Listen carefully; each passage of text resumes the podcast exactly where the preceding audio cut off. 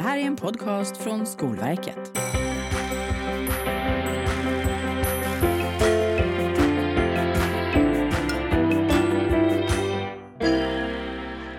Hej och välkommen till Skolverkspodden.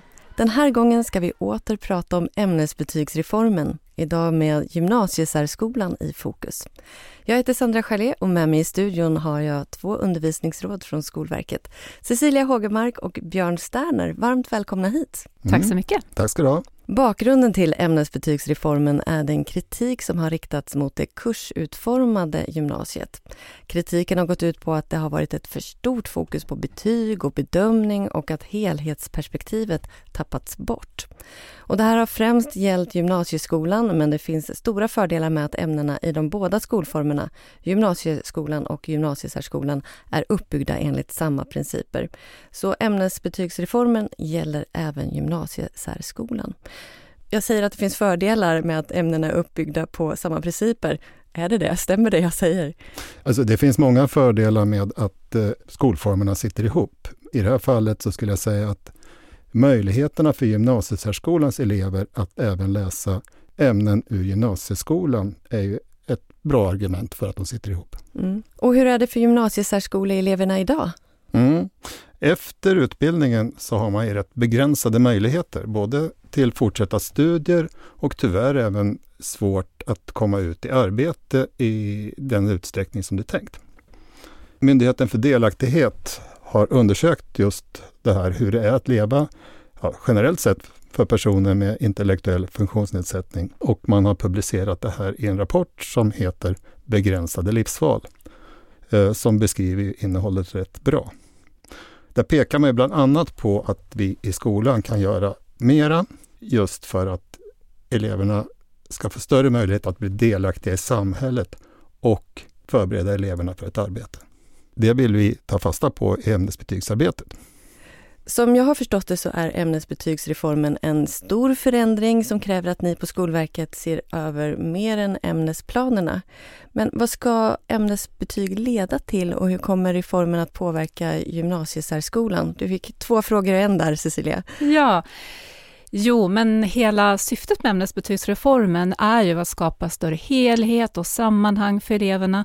Och för att åstadkomma det så skapar vi då större och mer sammanhållna ämnen. Och det betyder också att vi går ifrån det kursutformade, eh, den kursutformade gymnasiesärskolan, precis som du sa, och istället så kommer ämnena att vara indelade i nivåer.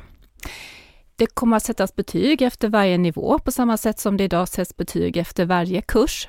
Men det betyget som man får i en nivå, eh, det försvinner när man sedan fortsätter att läsa i ämnet.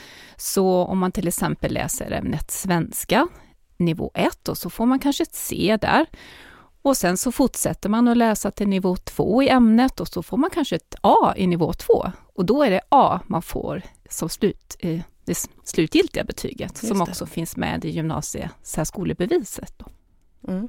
Björn, du pratade ju tidigare om att det kan vara svårt för gymnasiesärskoleeleverna att etablera sig på arbetsmarknaden efter skolan. Precis. Och det här tar vi ju med oss i arbetet med ämnesbetyg nu, specifikt för gymnasiesärskolan, på ett tydligare sätt än på, eh, i arbetet med ämnesbetyg på gymnasieskolan. Eh, just för att vi ser behovet av att det här kopplas starkare till yrkeslivet. Vad förändras mer förutom ämnesbetygen? Cecilia? Jo, vi tittar ju också över programmål och programstrukturer i, i gymnasiesärskolan.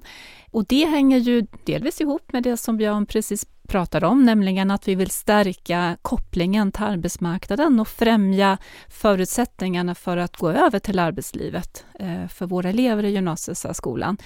Och av det skälet så passar vi också på då att göra innehållet i utbildningarna mer relevant utifrån hur arbetsmarknaden ser ut och de kompetensbehov som finns ute på arbetsmarknaden.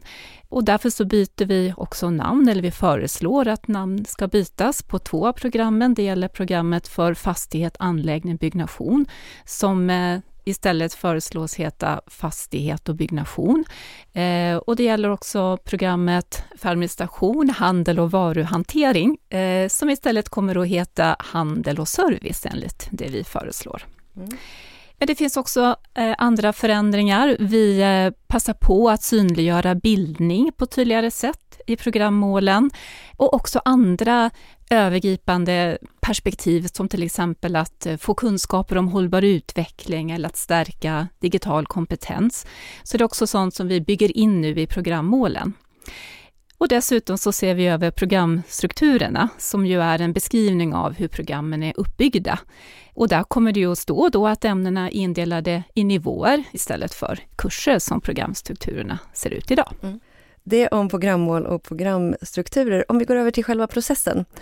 Den 1 juli 2025 så ska ämnesbetygsmodellen börja tillämpas i skolorna och just nu så väntar ju ni på Skolverket in synpunkter på det dokument som har skickats ut på ämnesbetygsreformens första remiss. Björn, kan du berätta om den här remissen? Mm. Och det är två remisser det handlar om. Mm. Dels den som ligger ute nu, men sen så kommer vi att lägga ut en annan remiss kring eh, i vinter, som kommande vinter här. Den kommande kommer att innehålla alla ämnen, förslag på alla ämnen där vi vill ha in synpunkter då. Mm. Det och det blir vintern 2022, 2023? Precis, yeah. så blir det. Det som ligger ute nu och där vi vill ha synpunkter handlar, precis som Cecilia var inne på här, programstrukturer för de olika programmen, det vill säga hur, hur vi tänker oss att de är uppbyggda. Och det som vi kallar för programmål, som beskriver egentligen hela programmet. Det är det som vi faktiskt vill ha synpunkter på nu. Mm. Så ni, ni, ni säger hjälp oss. Så vad kan mm. man då som lärare, rektor eller huvudman eller andra i skolan, eh, hur, hur, kan man göra för att vara Skolverket behjälplig och liksom kunna påverka det här? Jo, då går man in och tittar på de här förslagen. Och eh, man måste inte kommentera allt, utan man kan titta på de delar som, som man faktiskt är engagerad i och som man kanske undervisar i eller är, har ansvar över på något sätt. Mm. Vart hittar man den här remissen då? På Skolverkets eh, webbplats, Skolverket ämnesbetygsreformen. Mm. Skolverket.se ämnesbetygsreformen kan man eh, slå in. Stämmer bra. Cecilia, ska vi prata lite om hur arbetet med förslagen har gått till? Hur ni på Skolverket har gått tillväga när ni har tagit fram de här förslagen som vi nu ser? Ja, nu ber vi om synpunkter på de förslag som är ute på remiss. Men det är ju inte första gången som vi ber om synpunkter på de förslag som, som vi tar fram, utan vi har ju haft under lång tid en, en tät dialog med våra referensskolor, med branschorganisationer, eh, med de nationella programråden som finns för gymnasiesärskolan och gymnasieskolan och på det sättet försökt inhämta synpunkter eh, under lång tid för att vi just ska ha en öppen öppen och transparent process där vi också visar att vi verkligen vill ha in synpunkter från de som det här kommer att beröra. Sen så ska ju det här såklart tillämpas i skolorna. Vad kan rektor och personal göra på skolan för att göra implementeringen av ämnesbetygen? Mm. Eh, jag tror att man redan nu kan börja prata med varandra om vad det här kan innebära. Till exempel genom att gå in på Skolverkets webbplats, ta del av till exempel en liten film som finns där, titta på den gemensamt och fundera på vad innebär det här för oss. 2025 ska det börja, eh, men jag tror att det är jättebra att redan nu mentalt börja förbereda sig. Mm. De som lyssnar på podden idag, har ni något sista medskick till dem? Björn, vill du börja? Mm, ja, följ oss. Eh, följ arbetet. Vi kommer att eh, lägga ut Eh, man kan följa oss på Instagram, man kan följa oss på Facebook. Man kan gå in på vår webbplats och eh, anmäla sig för prenumeration på nyhetsbrev. Och då är det så fint ordnat så man kan ange vad man är intresserad av, det vill säga gymnasiesärskolan i det här fallet. Så då drunknar man inte i massor med annan information som man kanske inte är intresserad av? Nej, och det ja. är en finess. Verkligen. Eh, sen kan man ju lyssna på den här typen av poddar. Åh, vilket ljuvligt förslag du ja. kom med där tycker jag. och vi har ju en tidigare också. Precis. Som man kan gå tillbaka till om man bara har lyssnat på den här. Just det. Mm. Eh, Skolverket.se ämnesbetygsreformen. Där kommer det finnas åtminstone två poddar än så länge. Mm. Cecilia, har du något sista tillägg? Ja, nej men jag vill nog bara säga att vi såklart är väldigt angelägna om att få in synpunkter. Det är så viktigt för oss för att vi ska kunna göra ett bra arbete och för att det ska bli bra programmål, bra programstrukturer för våra elever i gymnasiesärskolan. Tack för de fina orden och det får sätta punkt för den här podden om ämnesbetygsreformen för gymnasiesärskolan. Stort tack Cecilia Hågemark och Björn Sterner för att ni var med här idag. Mm. Tack så mycket. Tack själv.